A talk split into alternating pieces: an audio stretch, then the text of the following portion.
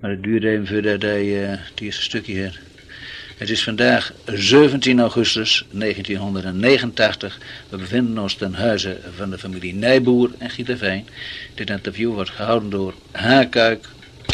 Nou, nee, het lukt wel echt ik hoor. No, geboortedatum, geboorteploos.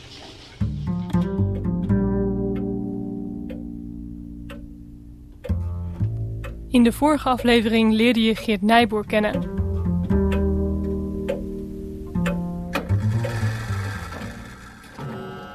Ik ben uh, op Gieterveen geboren. Een boer uit Gieterveen die zijn best doet zijn vijf kinderen zo goed mogelijk de Tweede Wereldoorlog door te helpen. Ben ik, gewoon, ik zit met mijn zuin aan. Eén van de kinderen redt het niet. Nee, die gaan naar vlucht. Dat, dat, nee.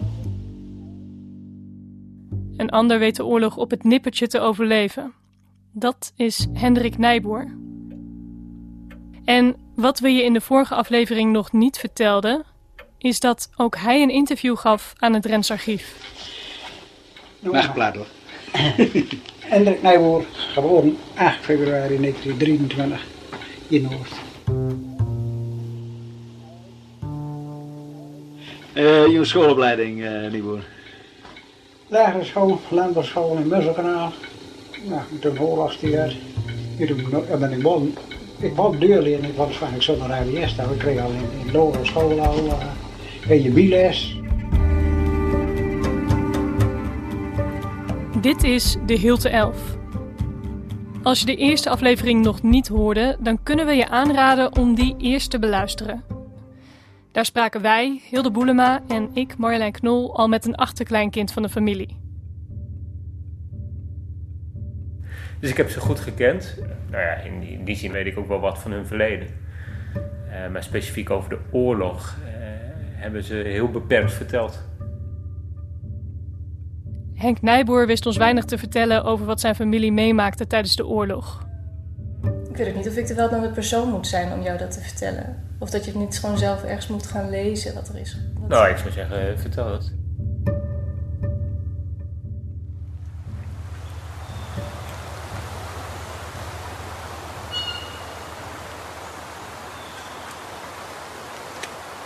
Je hoort het riviertje de Hunze. Dit riviertje stroomt aan de rand van de gemeente Gieten in Noordoost-Drenthe. Aan de ene kant ervan ligt het zand en aan de andere kant het veen. Een van de plaatsen aan de veenkant is Gieterveen. In die tijd, zo'n 80 jaar geleden, een gehucht van een paar boerderijen. Hoi, hoi, hoi.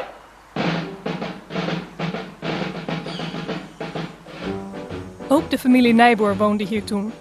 Aan de Hilte nummer 11. De familie had 30 hectare grond. Hun boerderij was groot, maar zeker geen herenboerderij. Er werden bieten, tarwe, aardappelen en roggen verbouwd. En ze hadden twintig koeien.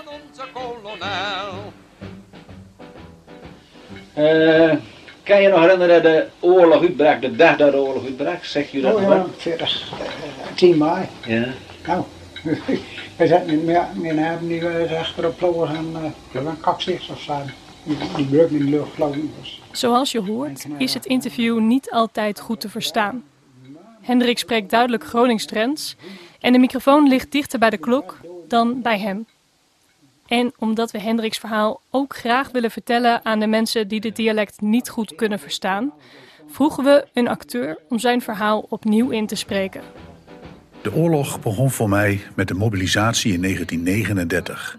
Ik ging toen naar de lagere landbouwschool in Musselkanaal. Op weg er naartoe waren bij de bruggen obstakels gemaakt, met daarnaast dikke, puntige, ijzeren palen.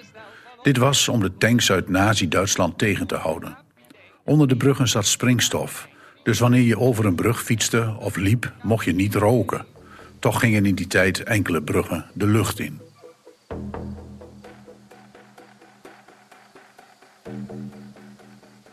...10 mei 1940 was het dan zover. Pa, Jan en ik waren achter de boerderij aan het melken. Harm was achter op de plaats bezig kalkstikstof te strooien. Dit deden we voor onkruidbestrijding. Daarom moest het vroeg in de morgen gebeuren. Dan was het gewas en het onkruid nog nat. Opeens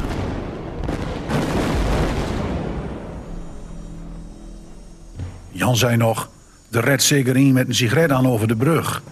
Ik zei, er is oorlog.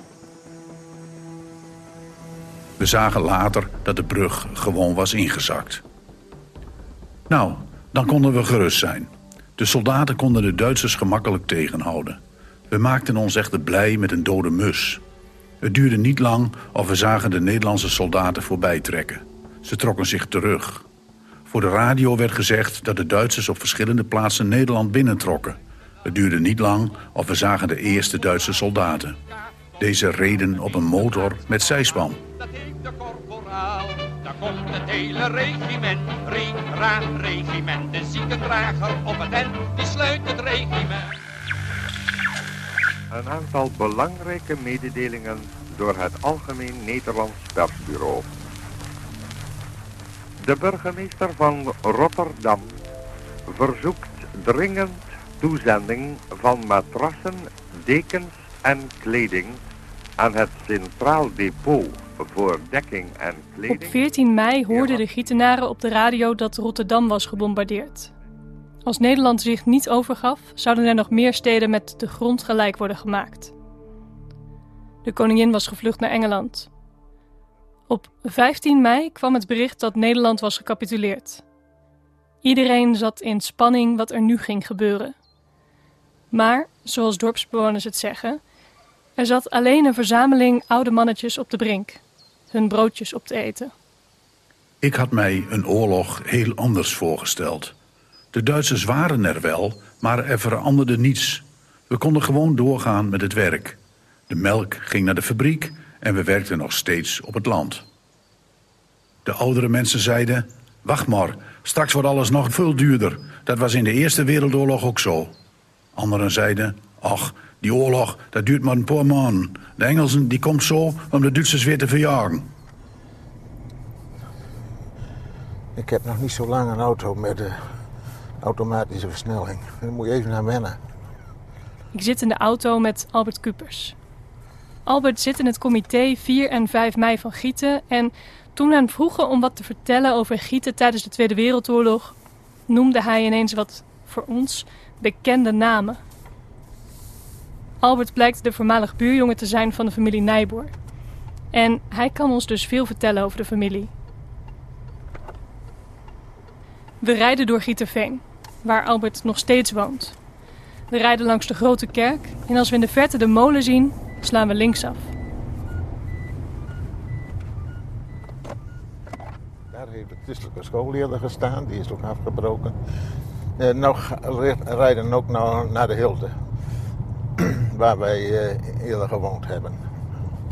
K- kwam jij hier ook langs toen je naar hier kwam?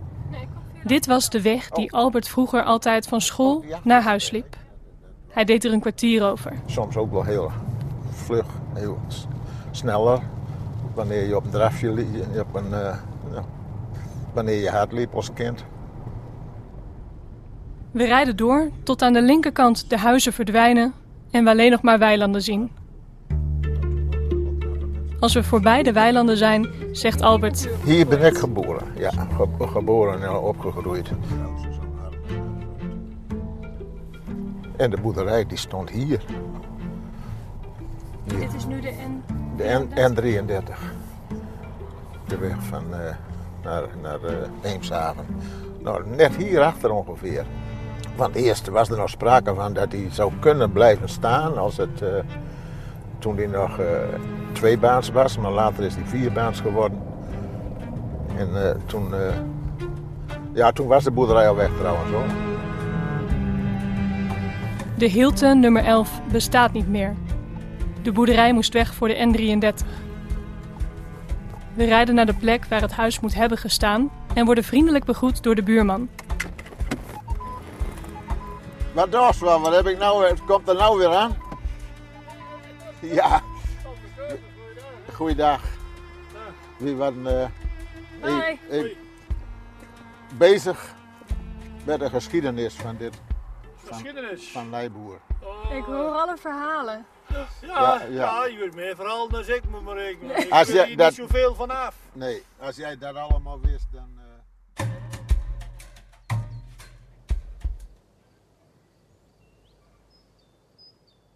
Het duurde even voordat de oorlog ook invloed had op het leven van de niet-Joden uit het dorpje. Eerst was het nog draagbaar en verstoorde het de dagelijkse gang van zaken niet dusdanig. De familie Nijboer had voldoende eten en kon rustig doorgaan met hun werk. Alleen Hendrik had even moeten werken voor de Duitsers, maar was ook alweer snel heel huids teruggekomen. Toen ik weer thuis kwam, ging ik gewoon weer aan het werk op de boerderij. Dit ging zonder veel problemen door tot het voorjaar van 1943. Toen werden steeds meer mensen opgeroepen om te werk te worden gesteld in Duitsland. Eerst waren de Joden aan de beurt. Die gingen naar werkkampen. Daar werden ook de mensen te werk gesteld die de wet hadden overtreden. Van gaskamers hadden we nog niet gehoord. Daarna kregen de oud-militairen bericht zich te melden. Ze moesten ook allemaal naar Duitsland. Pas in het voorjaar van 1943 nam de onrust echt toe. Door de vele Duitse doden tijdens de slag om Stalingrad was extra mankracht nodig om de Duitse oorlogsindustrie draaiende te houden. Dit betekende dat Nederlandse jongens alsnog naar Duitsland moesten. Door dit bericht kwam Nederland massaal in opstand. In het gehele land braken stakingen uit, ook hier aan de Hilte. De melk kon niet worden geleverd. We hadden met enkele anderen de melkwagen in de Kolk geschoven. Dat is een soort haven aan het eind van de Tjassenswijk. Harm Kors, die melkboer is, kon de melk dus niet naar de fabriek brengen.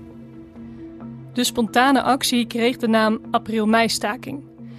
Maar in Drenthe staat deze beter bekend als de melkstaking.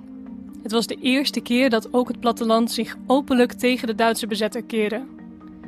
Hoewel de opstand niet langer duurde dan een week, of zoals in Gieterveen maar enkele dagen, zou het leven hierna niet meer hetzelfde zijn. Hoewel buurjongen Albert nog jong was, kan hij zich die ochtend nog goed herinneren. Ja, dat was bij ons voor het huis. En daar zat op het eind zo'n zwaaikom waar de schepen konden keren. En uh, de melkwagen, die de wagen die de melk iedere dag ophaalde, die stond daar s'nachts geparkeerd daar op die laadplaats. En uh, dat was toen de volgende morgen met die melkstaking. Toen lag die wagen, die lag in die draaikolk. Maar ja, hoe die daar gekomen is, weet ik niet. ik heb het niet gedaan.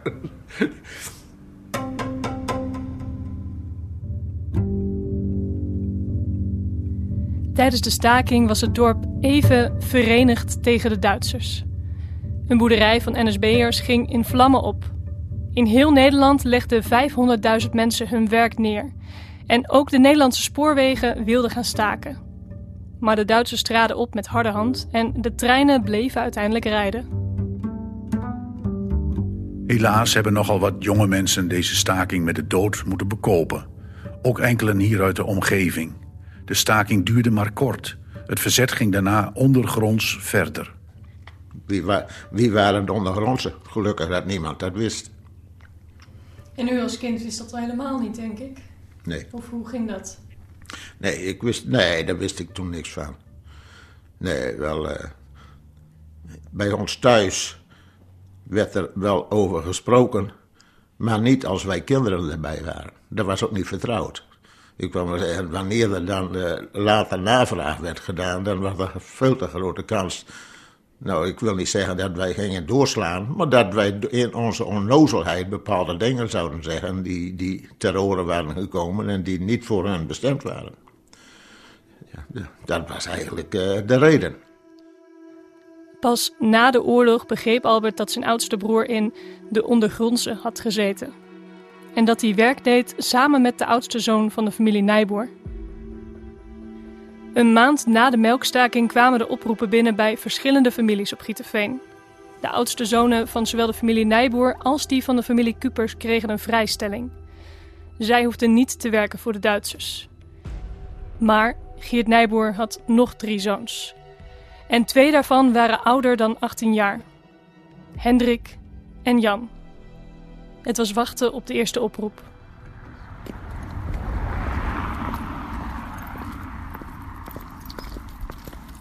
Na het bezoek aan de voormalig buurjongen van het gezin zoeken Hilde en ik contact met een kleinzoon van Geert.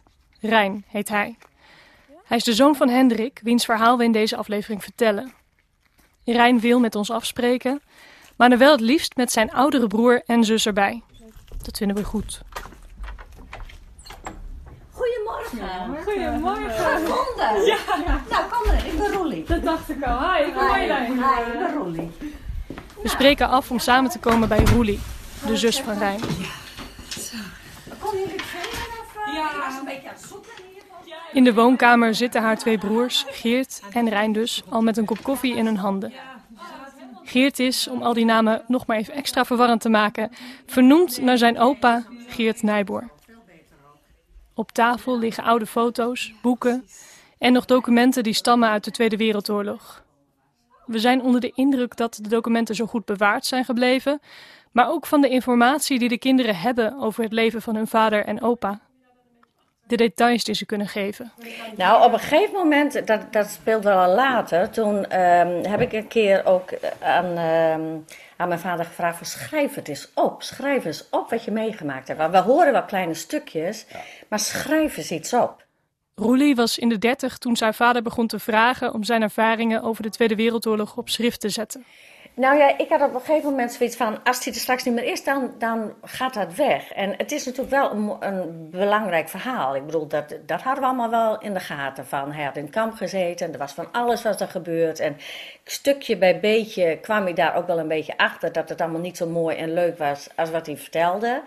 Dus ik denk, als hij dat niet opschrijft, dan is dat straks gewoon weg, dat verhaal. En dat is gewoon jammer. Al, al, al- al was het alleen maar voor, voor ons en voor onze kinderen en voor onze kleinkinderen. Dus ik denk, hij moet het op de een of andere manier, hij moet dat ergens neerzetten. En hoe die het doet, doet hij het. Maar het moet gewoon, dat verhaal, dat, dat moet blijven. En die bewustwording kwam toen ook. Hè, dat, eh, dat, dat men zei van ja, eh, denk erom, we moeten dit niet vergeten. Nee. Hè, en dat we nou zo lang in vrede leven, daar zijn we blij mee. Maar we moeten niet vergeten wat er gebeurd is en wat het gekost heeft. Dat zegt haar broer Geert. Toch was hun vader niet gelijk overtuigd. Roelie moest meerdere keren aandringen om het verhaal op te schrijven. Op een gegeven moment stelde ze voor om haar vader zijn verhalen aan haar moeder te laten vertellen, zodat zij alles op kon schrijven. Ja, dat, dat wou hij ook niet, denk ik. Dus hij, ik denk zelf dat hij er wel een poosje op heeft zitten broeden, zeg maar. En dat hij uiteindelijk dacht van, nou, ik, ik ga gewoon maar beginnen te schrijven. Dat denk ik. Een maand na de staking kreeg mijn broer Jan bericht dat hij zich moest melden om te werk te worden gesteld in Duitsland. Jan wilde dit niet. Hij zei: Ik ga niet werken voor de Duitsers, ik ga onderduiken. Pa was bang voor de gevolgen. De bezetters konden de boerderij in beslag nemen of iets dergelijks. Pa vroeg mij of ik niet wou proberen Jan over te halen om toch te gaan. Ik zei: Dat wil ik wel, maar als ik weg moet, dan ga ik ook niet. Dan moet maar zien dat Jan een plek kreeg, zei pa. Hij kende iemand uit Eeksterveen die mensen hielp die onder moesten duiken en hij nam contact op met de familie. Jan moest weg. De kinderen van Hendrik weten door zijn verslag precies hoe dat ging. Toen om Jan wegging, toen wisten ze niet waar, waar hij naartoe ging. Die ging als eerste, ging, de- ging, dook die onder. En eh, dat eh, ze op een gegeven moment bij elkaar zaten en ze zeiden van ja, eh, opa, jij moet, of pap, Oma, die zei. pap die moet, of oma die zei van je moet gaan bidden. Wat er verder allemaal gezegd is, weet ik zo niet meer. Alleen dat moe zei tegen pa: Kun je niet een keer met ons bidden? En toen, ja, dus opa, do- doe jij dat maar, want ik kan dat niet. En toen eh, eh, zegt eh, om Harm, ze- zal ik het doen. Pa knikte van ja.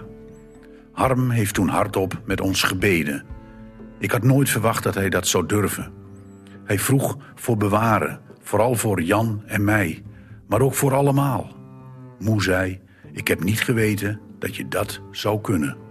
En dat was achteraf dus ook de laatste keer dat ze laatste bij elkaar waren. Ja, luister allemaal.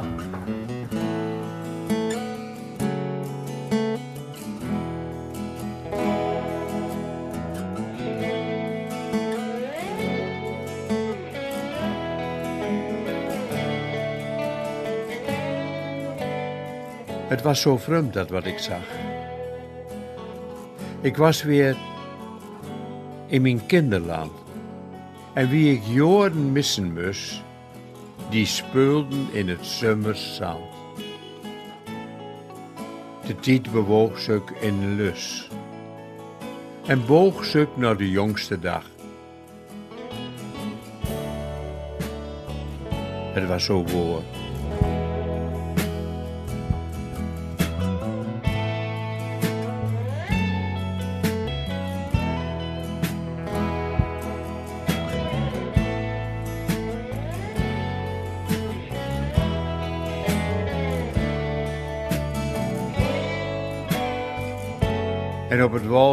Schreef het loch die ene naam.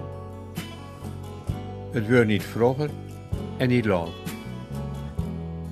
Ik stun maar bij dat stille raam. Dat overal de tranen lukt. Als regen slikkend aan de steen. Van heur die al heel lang verdwenen waren. Maar nog altijd in mijn reuken. In de volgende aflevering Nou, dan hebben we zo zachtjes aan naar jouw uh, onderduikersperiode touw. Wanneer, weet je nog wanneer je aan de dood bent? Oh, we gaan juli. In uh, Breinverder. Breinverder.